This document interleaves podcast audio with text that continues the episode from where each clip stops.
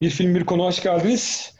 Ee, hoş bugün nasılsınız Üstad? Bugün e, Müfit Can Satıntı'yı ağırlıyoruz e, kendisini. E, biz aslında hani ben çok televizyon izleyicisi olduğum için Bandıra filozofuyla tanıdım açıkçası. Evet.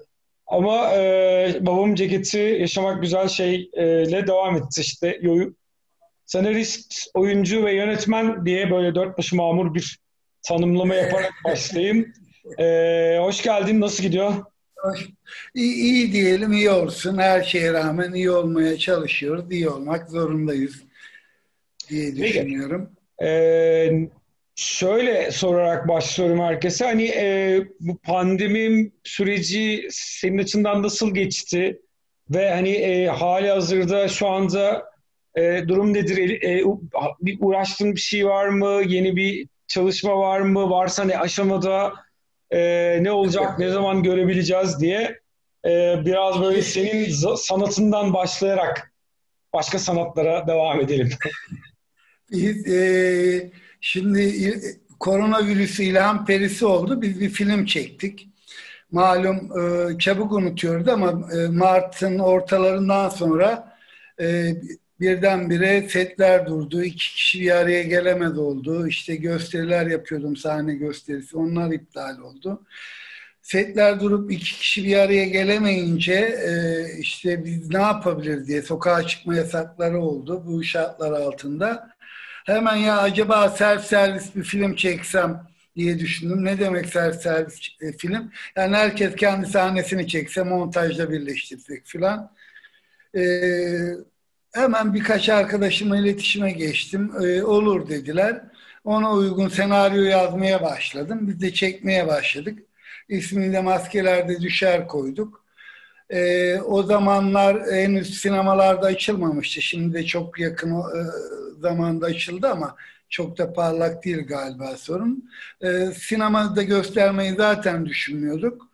Ee, hemen dedik acaba ilk gösterimini YouTube'da e, yapsak e, nasıl olur diye ilk gösterimde 28 Ağustos'ta e, YouTube'da yaptık. Orada da acaba işte bir takım e, bağımsız olmaya çalışan, özgür olmaya çalışan sinemacılara bir yol açabilir miyiz diye. Çünkü piyasa koşullarıyla boğuşuluyor. Dağıtım zincirleri elini kolunu bağlıyor. Sinema zincirleri elini kolunu bağlıyor. E, bir deneyelim dedik bu YouTube bir mecra olabilir mi? Çünkü orada katıl diye bir uygulama var. Belli bir ücret karşılığında e, film ya da içerik izlenebiliyor. Ama e, şu geleli Türkiye'ye bir iki sene olmuş ama çok verimli kullanılmıyor. E, biz orayı bir mecra haline getirebilir miyiz diye düşündük.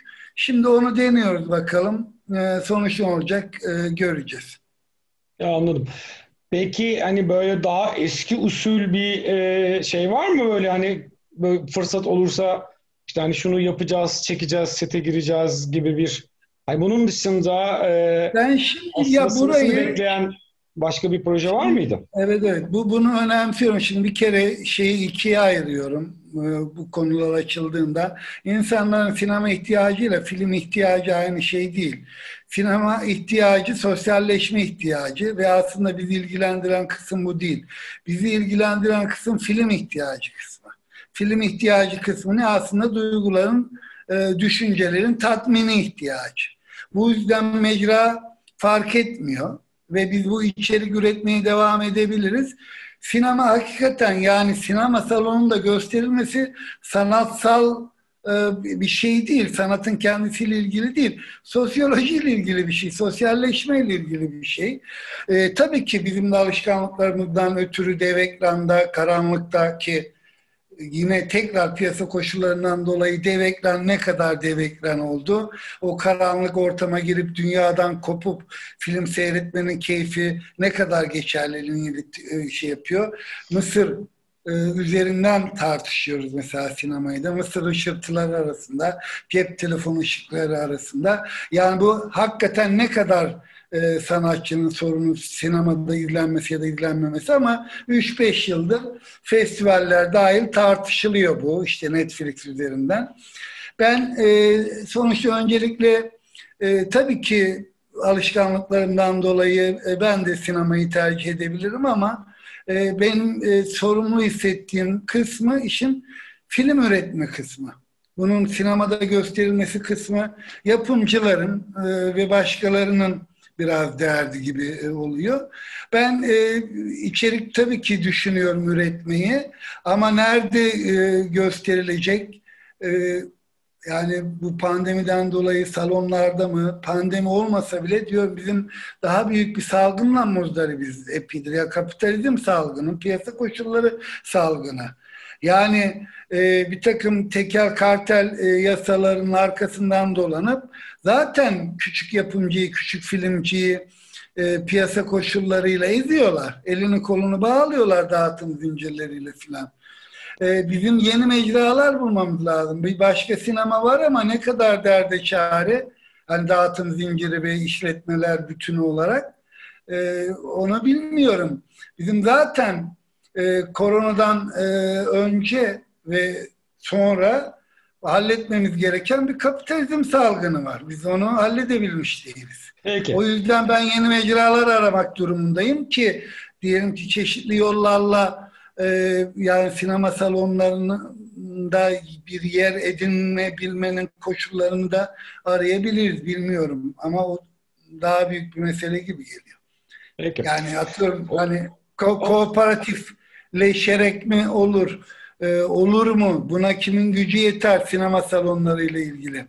Bu e, yani bu zaten yıllardır konuştuğumuz ve hani tartıştığımız bir mesele ve bir süre daha belli ki e, bir dönem dahili de bu şeyden sonra bunu e, tartışmaya devam edeceğiz. Ama ben hani programın paketi açısından hemen e, konuyu değiştirmek istiyorum. Tamam. Şimdi e, e, yani yaşamak güzel şey isimli bir film çekmiş bir yönetmen evet. açısından hani seçtiğim film e, çok anlaşılabilir. Çünkü hissiyatı ve duygusu biraz birbirine akraba. Şöyle başlıyorum ben genelde filmi e, konuşmaya şöyle sorarak başlıyorum. Hani e, hangi film mi seçtin, neden o filmi seçtin sorusuyla başlayalım evet. konuşmaya. Ee, ya Hayat Güzeldir çok enteresan bir film e, bazı ilkleri barındıran, üzerinde konuşulmayı çok hak eden ama üzerinde pek konuşulmamış bir film.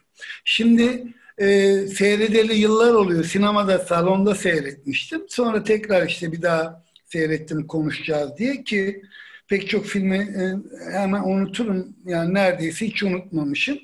E, yine de böyle bir hazırlanayım falan derken bakayım nedir diye neredeyse hiç üzerine yazılıp çizilmemiş, üzerine konuşulmamış bir film. Bunu biliyordum zaten o yüzden konuşmak istedim. Yani en çok sevdiğim film bu, bunu konuşmak istiyorum diye değil.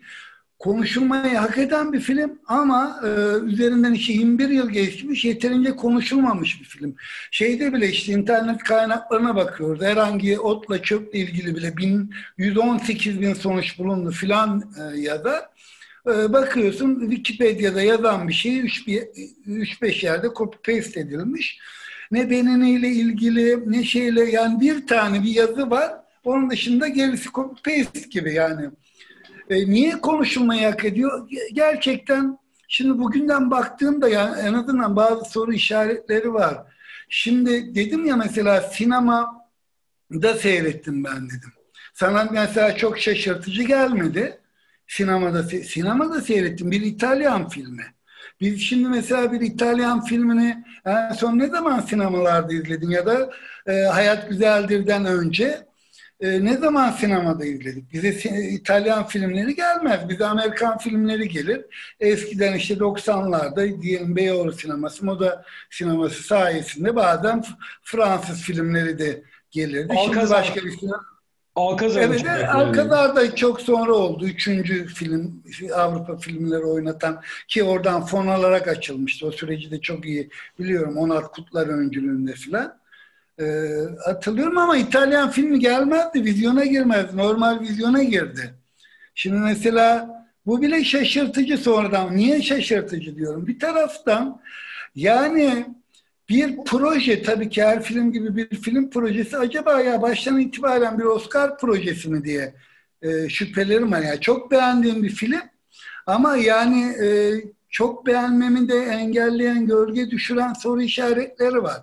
Ve şeyden şüpheleniyorum ve başka da kaynak bulamadım. Sadece ham ve ilkel bir şüphe. Ya bu baştan itibaren Oscar e, alması için e, tasarlanmış bir proje miydi? Her şey başından bilmiyorum. Bazı şeyler tesadüf de olabilir. O kadar ki mesela diyorum mesela hiç İtalyan filmi göstermeyen neredeyse İtalyan vizyon filmi göstermeyen Türkiye'de ve dünyanın pek çok yerine vizyona giriyor. Mesela şeyi aldı e, en iyi yabancı Oscar ödülünü aldı.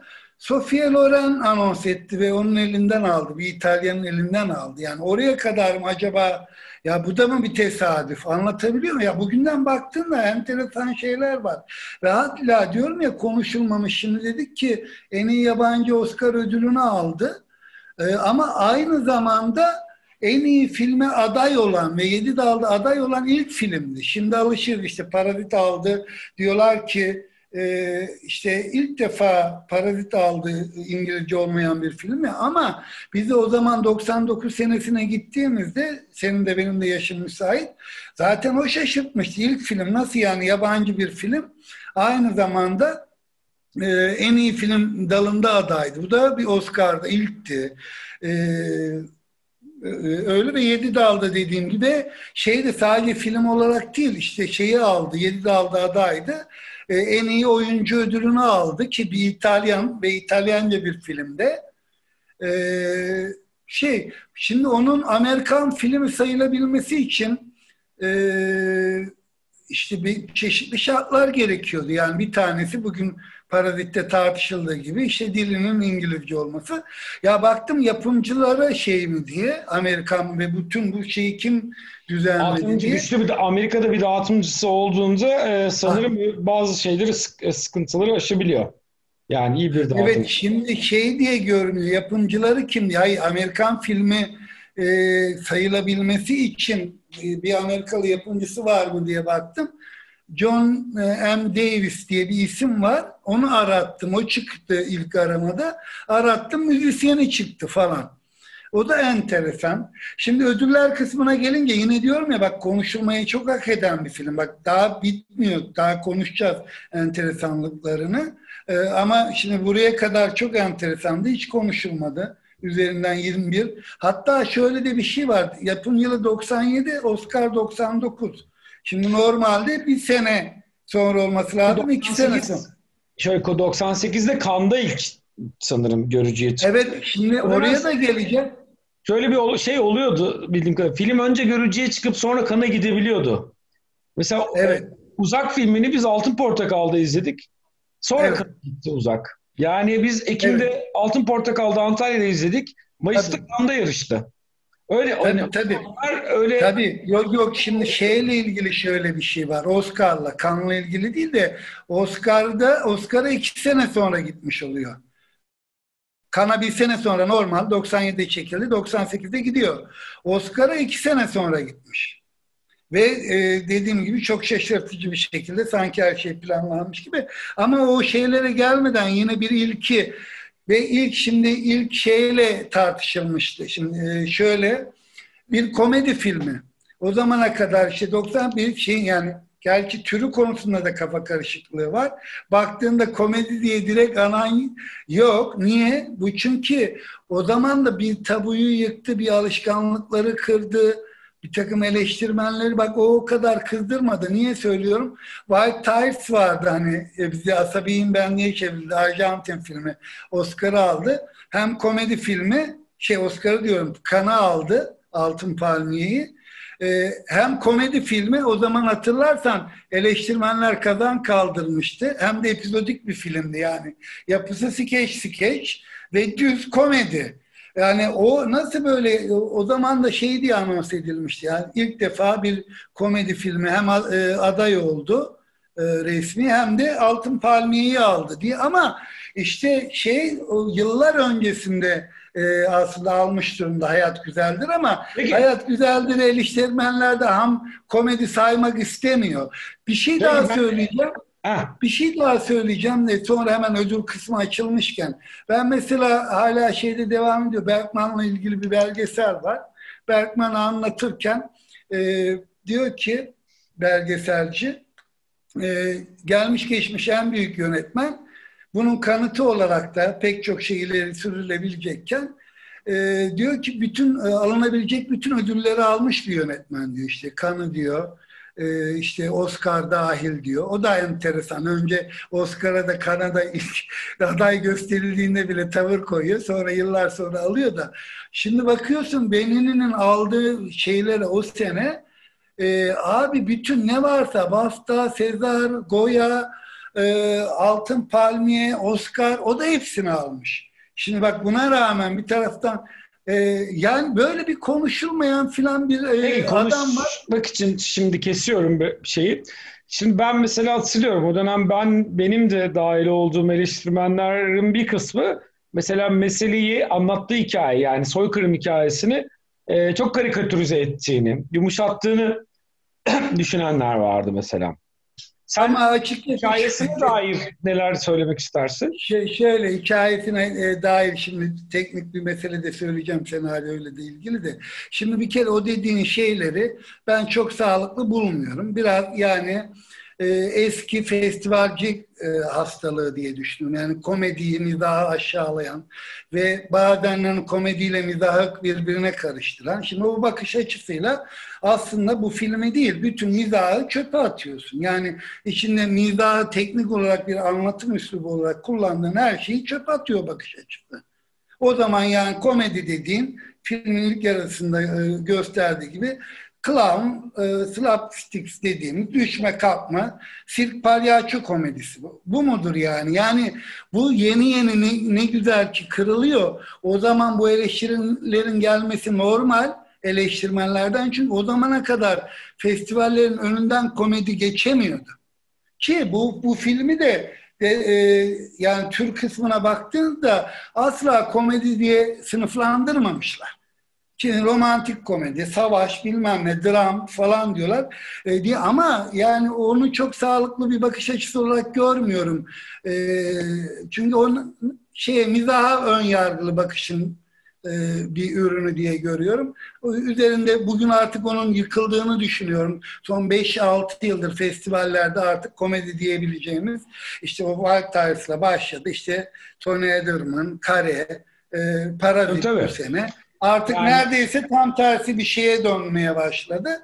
O o zaman ama anlaşılabilir bir eleştiriydi. Çünkü o zaman öyle bakılıyordu. Mizah gördü mü işi sulandırıyor. Niye sulandırma olsun ki ya? Niye sene olsun ki? İşte o mizaha bir sağlıksız bakış açısıydı diyeceğim. E, filmin şey olarak yine enteresanlıklarından biri senaryo da şey çok e, enteresan. Hani iki perdeli yapısı. Ya hatta iki bölüm ona iki perdeli bile denmez.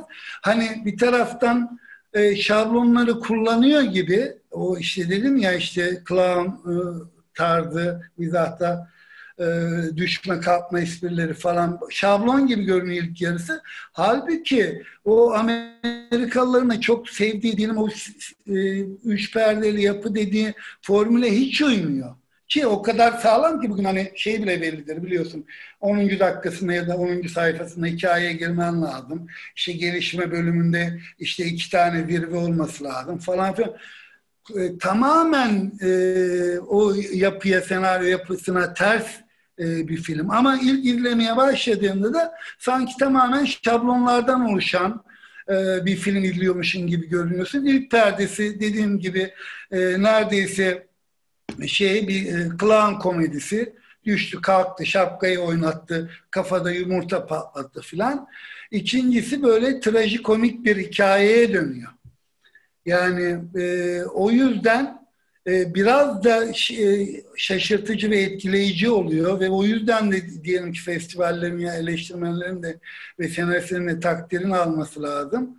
Bu yapıyı mesela tiyatroda rastlıyoruz da ee, mesela bizden de yine Haldun Taner'in mesela şey işte Ay ışığında Şamata oyununda falan hani ilk perde bir şey izlersin, ikinci perde e, başka bir şey izlersin gibi. Ama sinemada mesela o zamana kadar en azından e, ben, ben hatırlamıyorum. O da insanları şaşırttı. E, böyle Bence etkili olmasının nedenlerinden bir tanesi de oydu. Yani hani bu kadar çok yürümesinin hani şeyde bir sorun yok. Yani insanlar hani filmin kanı seçilsin, gidebiliyorsa Oscar'a da gitsin diye bazı numaralar, hani bazı trikler yapabilirler. Hani ama biraz o bahsettiği hani e, dramatik şeyi filmin kur, kendi kurgusuyla ilgili hikayesinde bir e, çarpıcılık vardı. Ben o dönem bu kadar ilgi görmesinin biraz da bununla ilgili olduğunu düşünüyorum. Evet. Ve e, şöyle çok kısa bir toparlama rica edersem çünkü 20 dakikaya geçtik 25. dakikaya doğru gidiyoruz. E, böyle kısa bir toparlarsan hani evet. e, hayat var. Şöyle ben şimdi bir kere içe, ya içerikle ilgili ben mesela çok e, hayranlık uyandırıcı e, şeyler var. Yani senaryosuyla ilgili, senaryo buluşlarıyla ilgili, bazı sahnelerdeki buluşlarla ilgili, mizahi buluşlarla ilgili. Ben tek şeyim yani beni rahatsız eden kısım bu başından itibaren bir Oscar e, projesi olduğu ve onun için bazı şey tercihlerin e, sanatsal nedenlerle değil farklı nedenlerle kullanıldı. Mesela e, eleştirim yani şey bayılıyorum bir kere. İçerik verdiği mesaj e, ve dediğim gibi senaryo buluşları hepsi hepsi çok iyi. Sadece mesela o işi beni rahatsız eden diyor ki yani bir, bir algı yönetimi yapıyor bir taraftan da. Yani nedir o? Mesela e, sana bana e, sorsak ya da sana sorsak aslında İkinci Dünya Savaşı'nı bitiren olay nedir? Bitiren ülke hangisidir diye baktığımızda tarihe e, işte diyorsun ki ya Hitler'in Stalingrad'da Sovyetler Birliği'ne yenilmesi. Ama bu filmi bu konularla hiç alakası olmayan ve hala da pek çok genç izlediğinde İkinci Dünya Savaşı'nı e, Amerikalılar geldi. Savaş bitti. e, ve bitirdiler yani yendiler. E, evet. Nazileri, faşistleri yendiler diye.